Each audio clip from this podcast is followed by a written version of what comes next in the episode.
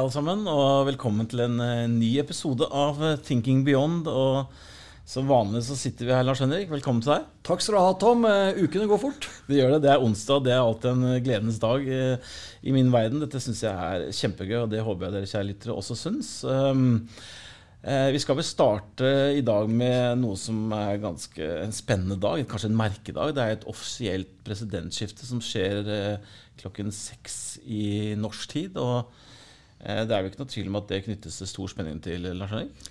Ja, det gjør det. Her er det mange som er, eh, er glad, og så er det også noen som, er i, som nå kommer i opposisjon, som ikke liker dette. her. Vi skal ikke ha noe mening om dette. her, sånn. Det er bra dette skiftet nå skjer, og vi håper det vil foregå i relativt rolige former. Så eh, noen spør liksom hva vil skje av endringer her. Mm. Og det vil ikke skje noe sånn veldig stort umiddelbart. Nå blir jo Senatet ganske opptatt kanskje med behandling av denne riksrettssaken eh, nå i starten. Men, eh, men, det er noen store forskjeller i, i politikken mellom, mellom, Biden og Trump her, som, i, som markedet og, og, og, verden vil ha rettet sine øyne mot. Og det er jo hva som vil skje i bl.a. med Iran-avtalen. Hva vil skje med, med Parisavtalen mm. og en mulig ny inntreden fra USA i den. Og, og generelt økonomisk stimuli.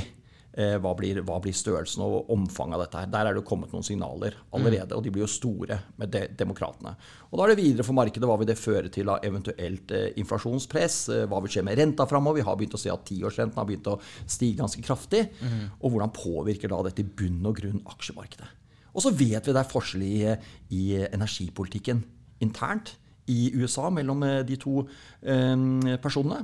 Og Biden har jo allerede annonsert eh, at eh, denne Keystone, denne store pipeline som går fra Canada og canadisk oljesand ned med transport til USA, mm. den skal stoppes. Og han har også snakket i veldig negative vendinger mot generelt denne shale- eller skiferindustrien. Og det går på grunn av den generelle eh, klimatiske, men også miljømessige eh, hva skal vi si, eh, bivirkningene, eller aktiviteten, den skaper. Her ja, ligger det også store utslipp av, av, av, av metan og slike ting. CO4, som vi Direkte fra brønnene. CH4, ikke sant? Så, så, vi skal ikke ta mer om det. Vi har et stort webinar vi, eh, den 29. i regi av Formuesforvaltning med vår egen Erling Rød eh, Larsen. Og han, han er jo formuesforvaltningens egen eh, Thomas Seltzer når det gjelder kunnskap i USA. Så der har vi et stort webinar den, den 29. januar. Så det kan jo folk lytte inn til. Det gleder jeg meg til selv, for han har jeg hatt i podkast eh, opptil flere ganger før. Og han, eh, det er jo ikke noe tvil om at han er et fyrverkeri av entusiasme og kunnskap. Definitivt. Og ikke minst dette med presidentvalget generelt. Eh, USA oppdrar han veldig. Han har studert i USA selv, sånn som jeg gjorde.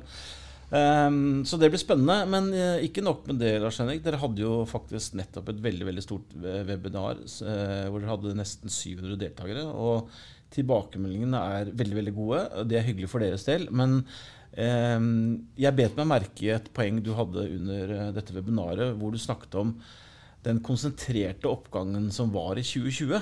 Eh, og jeg vil jo si at media snakker jo hele tiden om alle som har tjent så mye penger der ute. Men det er ikke sånn at alle har tjent penger der i 2020. Det var ikke så lett. Nei, hvis du har ligget altså, hva skal jeg si, rette innrettet eller tiltet mot feil faktor, altså var investert mot mye av aksjer og selskap som driver innenfor den vi kaller som lå i verdiskuffen, altså mhm. verdiaksjer, øh, så, så, tjente du ikke så mye nødvendigvis så mye penger i fjor. Og det var en del generell industri. Det var bank, det var energiaksjer eh, råvarer generelt. Det var ikke så mye å tjene, og mange av de var jo betydelig ned eh, når regnskapet ble gjort opp for året. Mm. Men så har du den andre siden, da. De som lå i denne vekstbucketen, eh, vekstskuffen, eller eh, lommen.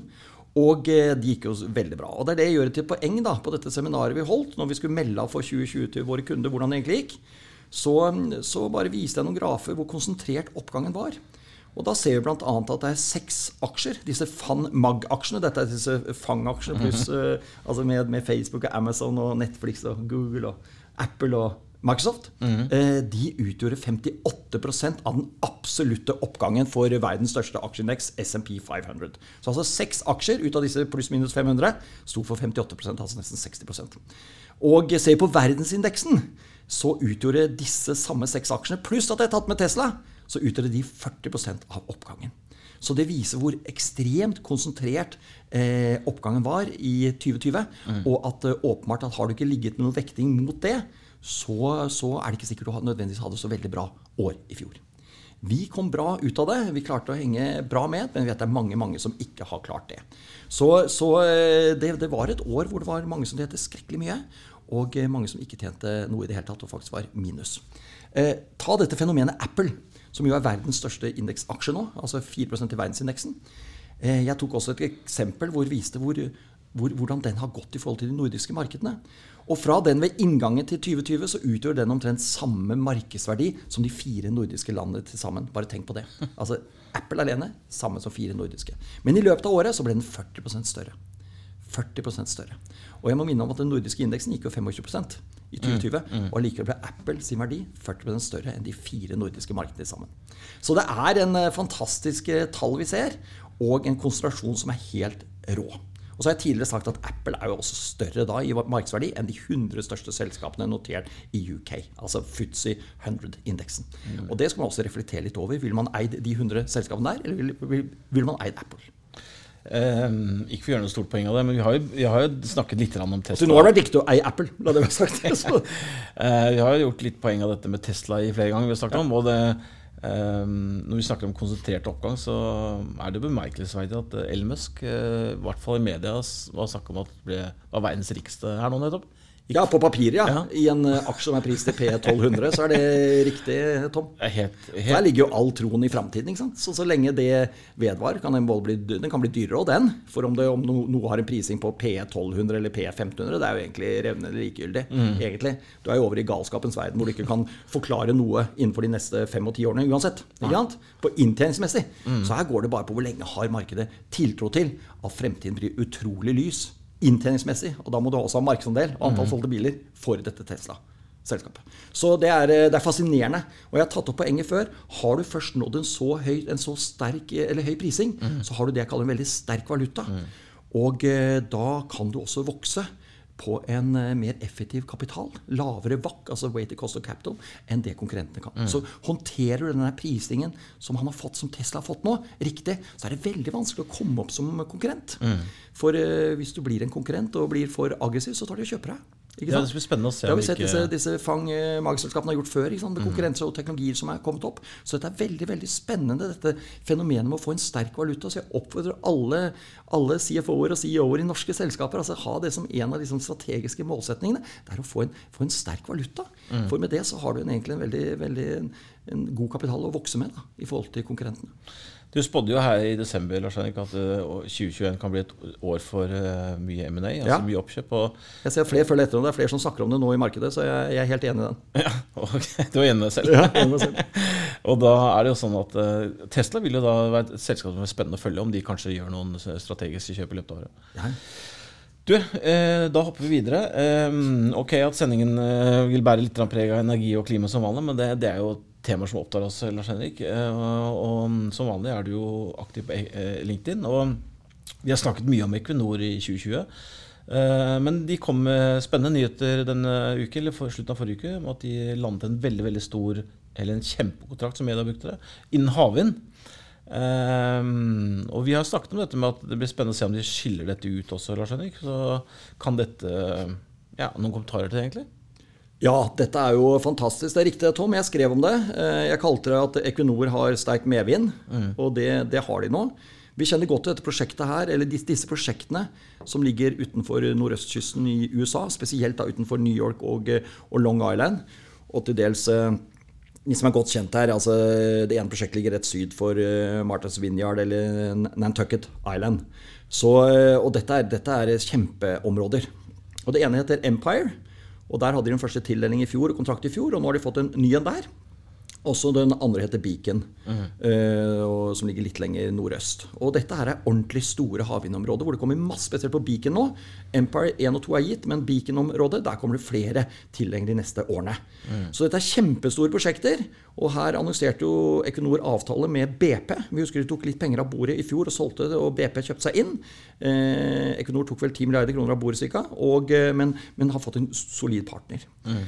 Og eh, dette er bare begynnelsen. Og dette, dette, er store, dette er virkelig store tall. Vi snakker om de, liksom de største havvind, blant de største, største havvindkontraktene som er gitt til nå. Og det er som på en måte bare en begynnelse. Og Equinor er med på det. her sånn. Jeg har jo tidligere liksom straffet, altså jeg har tidligere omtalt Equinor som å ri liksom to hester her. Men det, mm. det, er bra de gjør det, for vi, vi vet jo at dere, de har et kraftig vekstprogram innenfor olje- og gassproduksjonen sin fram til 2026. Det er grepet fatt i. Og regner jeg det om til energienheter, så sier jeg at eh, veksten alene vil gjøre at de produserer fossil energi for 180-200 terawatt-timer mer per år i 2026. Mm. Altså 180-200. Det må også opp mot at Norge produserer i dag ca. 140 terawatt-timer i året. Og så, kommer, så, er vindsatsingen som lyder stor, men det blir bare også den siste her nå, det blir bare sånn 10 terawatt-timer i året ut av det mm. til den tid. Så liksom, det, er, det, det, er, fortsatt Energimessig så vokser det veldig mye på fossilt. Men bevare meg vel, altså, vi må allikevel si at den relative veksten og den posisjonen Equinor nå tar innenfor bl.a. havvind, den er stor. Mm. Og det er det de skal honoreres for. Eh, for jeg er jo blant dem som, som mener at verden altså, Vi trenger olje og gass i mange år fremover. Jeg tør å si det uten at det blir kalt eh, eh motstander av klimaendringer og sånne ting. Eller ikke er klimabevisst. Hvis faen er jeg det. Men, men, vi må bare ha en realisme i det greiene her. Hele poenget med Equinor er at de, de skriver det selv på sine sider. Og de, de, de forsyner jo en energi hver dag til ca. 170 millioner mennesker på denne kloden. 170 millioner mennesker. Og da vet vi i dag er kanskje 90, 95% av den energien kommer fra fossil, altså fra gass mm. og olje. Men så er det denne, denne, overgangen. Hvordan transformerer de dette her fra de 170 millioner menneskene som har den fossile, over til fornybar? Mm. Og, vi, og, det er det som er det spennende med dette caset her. Hvordan disse her oljeselskapene som har vi kommer ikke unna vår historie at vi har brukt 160 år nå siden første oljebrønn i Philadelphia i 1859 så har liksom brukt, vi har, Jorden og hele vår økonomi er tilvendt at vi skal bruke fossile energikilder. Mm. Olje, kull og gass. Mm. Og da er det at disse selskapene her må få lov til å omstille det på en sunn, god og relativt rask måte. Mm. Og det gjør noen av disse oljeskapene, inklusive Equinor. Vi vet de gjør det da i partner med BP. Vi vet Total de, de, tok en sånn beslutning i fjor, det store franske selskapet. Og de har, det er morsomt hva de har gjort de siste dagene nå. De har jo da annonsert at de melder seg ut av dette her API, altså American Petroleum Institute, fordi de mener at de har en litt sånn for vag og uklar posisjon i klimadebatten, dette API. Mm. Og da, da, da, da, har eh, Total bestemt seg for å melde seg ut av den store organisasjonen. Så ting begynner å skje. Mm. Og da leder meg over til neste tema som jeg har skrevet om på LinkedIn. Det er dette med eksklusjon, Tom. Mm. Og, eh, for det følger litt av det jeg sier nå, at den generelle eksklusjonen av f.eks. olje- og gasselskaper mm. er ikke jeg enig i. For da tar man ikke del i den store endringen som nå skjer. Og skal denne verden bli bra og gå bort fra fossil, så må, egentlig, så må det gjøres med noen av de som i dag kan påvirke dette mest, og det er olje- og gasselskapene selv. Mm. Så den generelle ek eksklusjonen av denne type selskaper er jeg uenig i, men man skal selvfølgelig ekskludere de selskapene som ikke er endringsvillige. Men Equinor leder an, og det skal de ha for. Og Derfor er det meningsløst at noen velger å ikke være med på å sponse det store skiftet som Equinor gjør, men heller inkludere små, fislete selskaper innenfor vind og sol og hydrogen, istedenfor å se på de store tallene som Equinor eh, skaper med sin endring. Nemlig.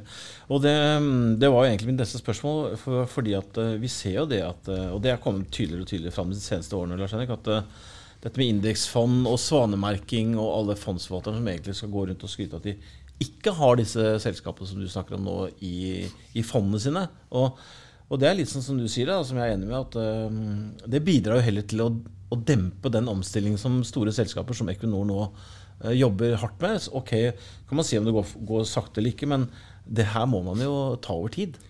Ja, jeg, ja, ikke sant?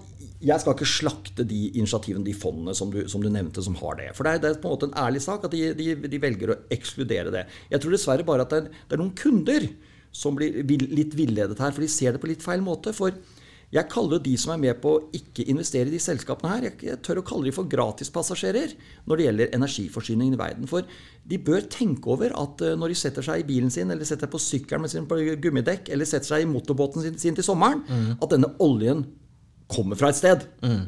Og de er ikke med på å betale for denne varen. De lar andre gjøre det. Mm. De ekskluderer det, men de vil gjerne bruke den. Mm. Og det syns jeg noen skal tenke litt over. At eh, de, man er faktisk, alle mennesker er fullstendig avhengig av petroleumsbaserte produkter i dag. Mm. Du kommer ikke utenom det. Så ønsker vi oss bort fra det, Tom. Ja, men jeg nevnte jo disse, Nå har vi tilvendt vår økonomi dette over 160 år. Mm. Det er ikke noe som kan kuttes over natten. Nei. I tillegg til at økonomien vår ville gått helt gæren. Så vi må ha et kontrollert, godt skifte. Og da syns jeg det er bra blant annet at vi ser en veldig rask og stor, meningsfull endringstakt i f.eks. Equinor, hos BP, hos Total.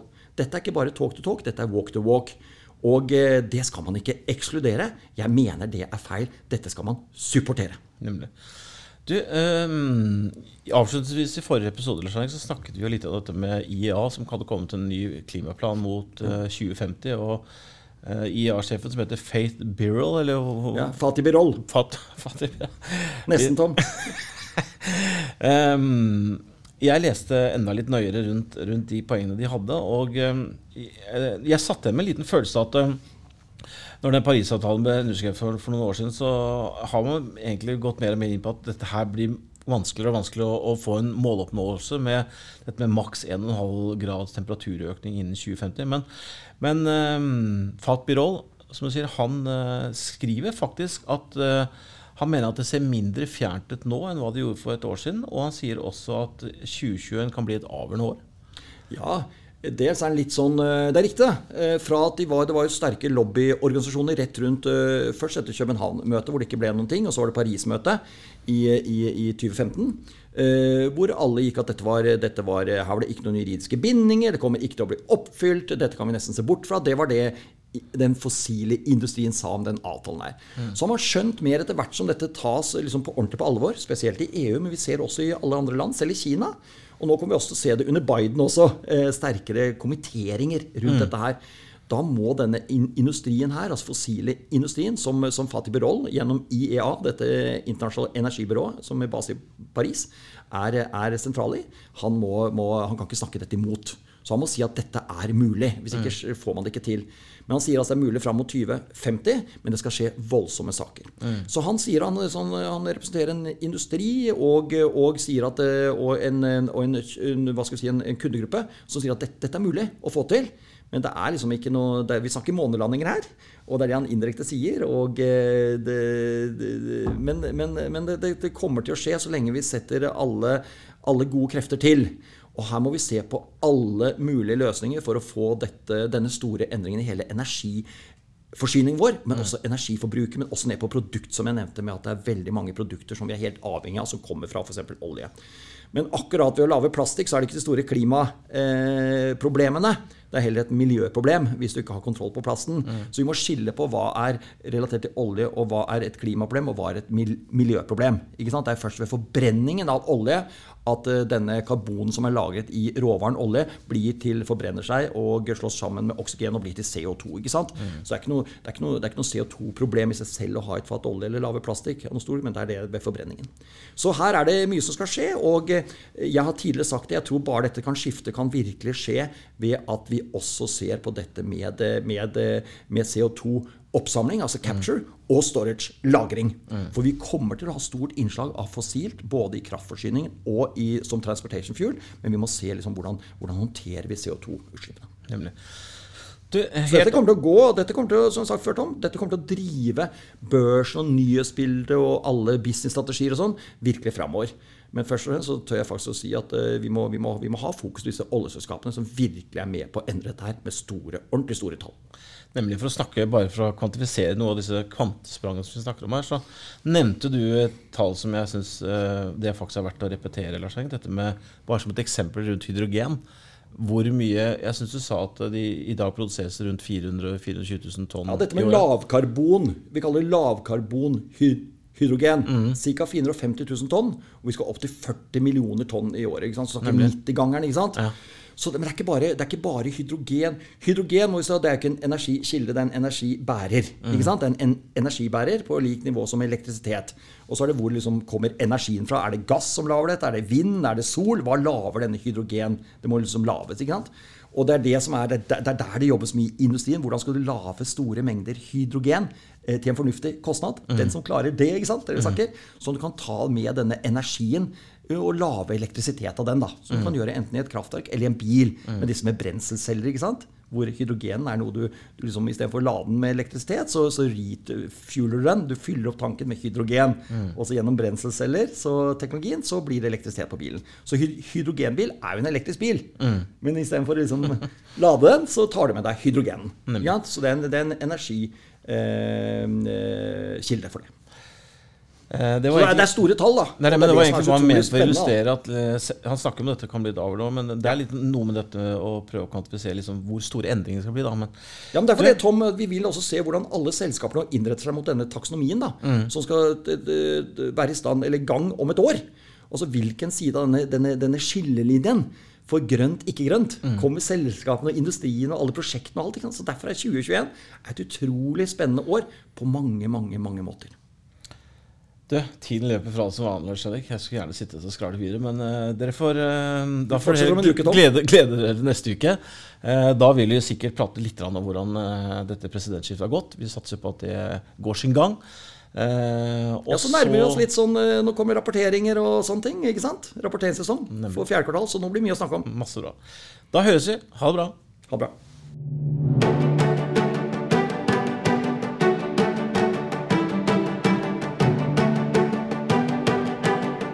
Du har hørt på Thinking Beyond, en podkast fra Formuesforvaltning.